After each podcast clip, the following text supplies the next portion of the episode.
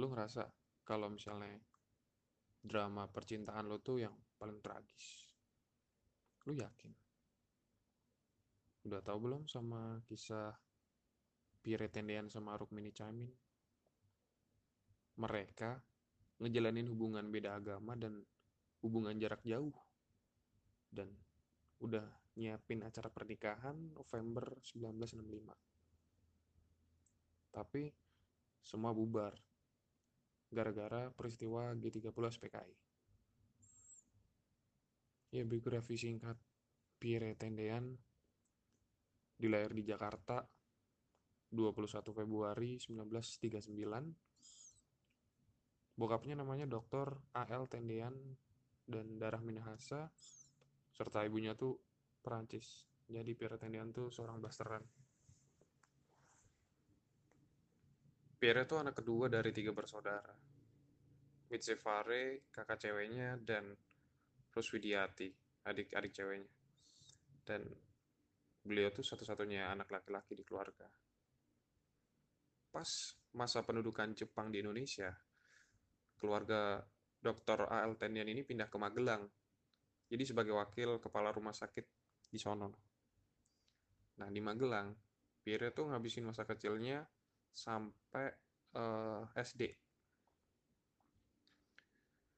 Nah, cita-cita Pierre itu jadi tentara udah ada dari kecil karena dari kecil Pierre sering lihat uh, apa sih tentara dan pejuang kemerdekaan yang mampir rumah menemui ayahnya buat minta obat-obatan. Kayak misal tok tok tok. Bapak Tendian, Pak, saya mau minta obat, Pak. Uh, karena stok kita udah habis, besok mau perang. Oh ya, masuk, masuk, masuk, silakan. Nah, istri Pak Tendian bikin kopi. Oh ya, Pak, duduk dulu. Nah, Tendian kecil, dia merasa terkesima dengan uh, kegagahan para pasukan perang dan keberaniannya. Nah, hal itu yang bikin Pierre Tendian tuh bertekad untuk masuk ke Akademi Militer Nasional atau AMN. Dulu namanya itu, tapi sekarang jadinya Akmil atau Akademi Militer. Dan sebenarnya cita-cita itu sempat ditentang sama keluarganya. Karena ya lu tahu sendiri background keluarga dokter kok jadi tentara gitu. Soalnya orang tuanya lebih menghendaki mereka jadi dokter. Maksud gue si Pierre karena si Pierre juga anak laki-laki tunggal di situ gitu. Nah, ya sebagai orang tua kalau anak dia satu-satunya anak laki-laki di keluarga tersebut ya wajar lah kalau misalnya ada apa-apa nantinya nantinya gitu. tapi Al satu-satunya anggota keluarga yang setuju dengan cita-cita Pierre itu cuman kakak perempuannya si Missy Fare ini. Nah, terus untuk menghibur hati orang tuanya, selain mendaftar AMN, Pierre itu juga daftar di kedokteran UI. Gila Nah, melihat hasil tes di Fakultas Kedokteran UI yang gak lulus, maka orang tua Pierre ya mau nggak mau ngizinin dia buat sekolah di AMN tapi menurut si kakak ceweknya ini, Pierre nggak lulus di UI itu karena emang dia sengaja dan dia juga nggak berangkat tes gitu. Nah terus selama menempuh pendidikan sebagai taruna, Pierre itu dikenal disiplin dan ramah. Makanya Pierre seneng, disenengin sama teman seangkatan, senior, ataupun junior. Dan dia juga dikenal sebagai pribadi dengan jiwa kepemimpinan, menjadikan dirinya terpilih sebagai wakil ketua Senat. Nah, pada tahun 1963, Pierre Tendean yang saat itu berpangkat Letnan II bertugas sebagai komandan peleton Batalion Tempur II itu di Bukit Barisan di Medan.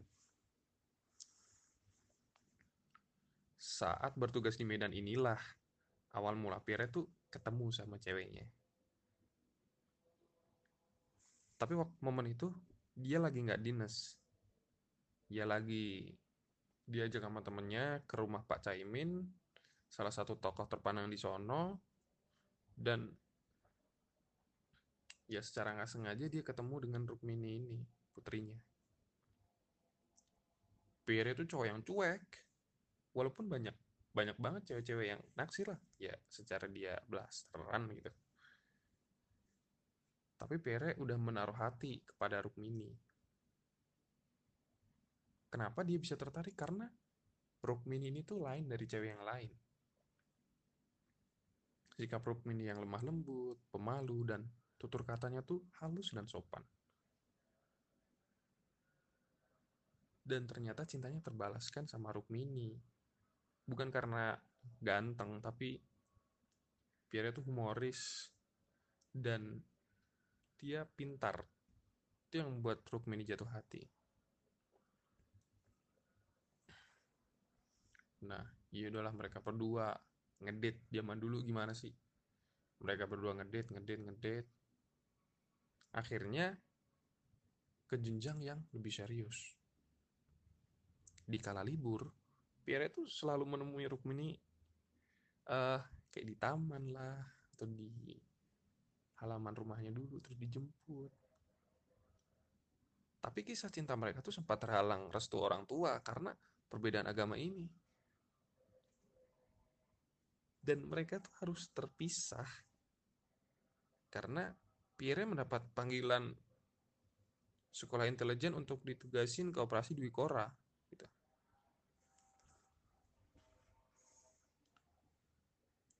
Nah, setelah selesai sekolah intelijen, Pierre langsung ditugasin dalam operasi Dwi Kora, mimpin pasukan relawan untuk ngelakuin penyusupan di Malaysia gitulah.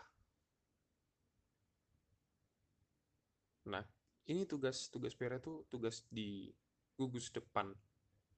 Ibunya tuh khawatir kalau anaknya kenapa-napa. Ya gimana? Nah, terus ada yang namanya Nyonya Cornet.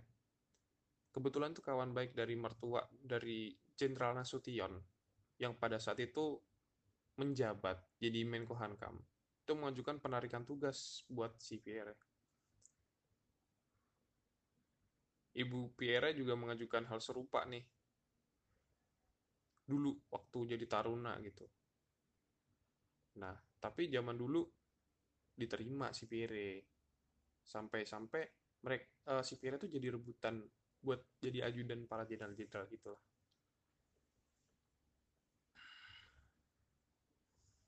di satu sisi yang jauh di Medan sana Rukmini seneng lah kalau ternyata pada akhirnya Pierre nggak jadi nih. Dia nggak jadi buat ikut operasi di Kora. Dan mereka tuh masih zaman surat menyurat itulah ngabar-ngabarinnya. Nah waktu surat menyurat tahun 65 mereka berdua sepakat. Kalau misalnya mereka udahlah kita lanjutin ke jenjang pernikahan aja. Nah Pierre saat itu juga menulis surat buat keluarganya meminta doa restu untuk menikahi Rukmini. Nah si Pierre kan sekarang karena dia dicutat nih nggak jadi Wikora dia mendampingi Jenderal Nasution sekarang jadinya. Bertugas ke Medan. Dia nyempetin juga buat ketemu keluarga Rukmini buat lamaran. Nah, pernikahannya juga udah disepakatin di bulan November 1965. Pierre itu serius banget mau nikahin Rukmini. Lo tau gak sih, untuk nambah biaya pernikahan, bahkan setiap malam.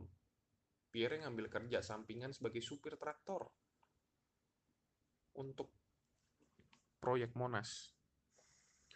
Nah, selama berbulan-bulan, Pierre menjalani profesi sampingan sebagai supir traktor. Dia juga uh, rajin nyari informasi kontrakan di sekitar Menteng gitu. Ya buat ditempatin mereka berdua besok.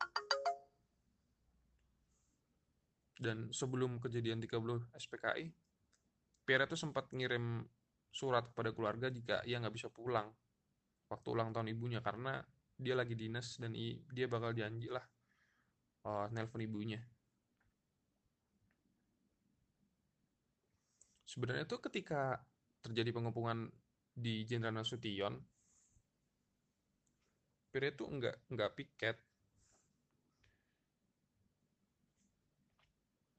tapi dia dengar suara tembakan gitulah. Terus atas inisiatifnya dia ngambil jaket dan senjata menghadapi pasukan. Gak jelasnya instruksi operasi kepada pasukan Cakrabirawa ngebuat mereka salah tangkap. Dan gak bisa mengenali Jenderal Nasution malah mereka gak mau ngebawa si Pire Pire akhirnya dibawa ke lubang buaya. Dieksekusi di sana Ibunda Pierre Tendian yang sedang kurang tahun menunggu telepon dari anak laki-laki satunya itu. Tapi telepon tak kunjung datang. Karena di malam naas itu yang bertepatan dengan ulang tahun ibunya Pierre meninggal.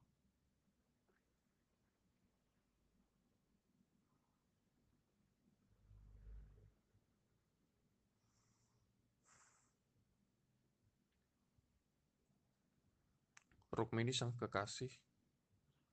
Terpaksa dia ngubur rencana pernikahan sama Pierre yang harusnya bisa dilakuin di bulan November. Berarti 30 Berarti Juli lalu waktu lamaran itu adalah momen terakhir mereka berdua ketemu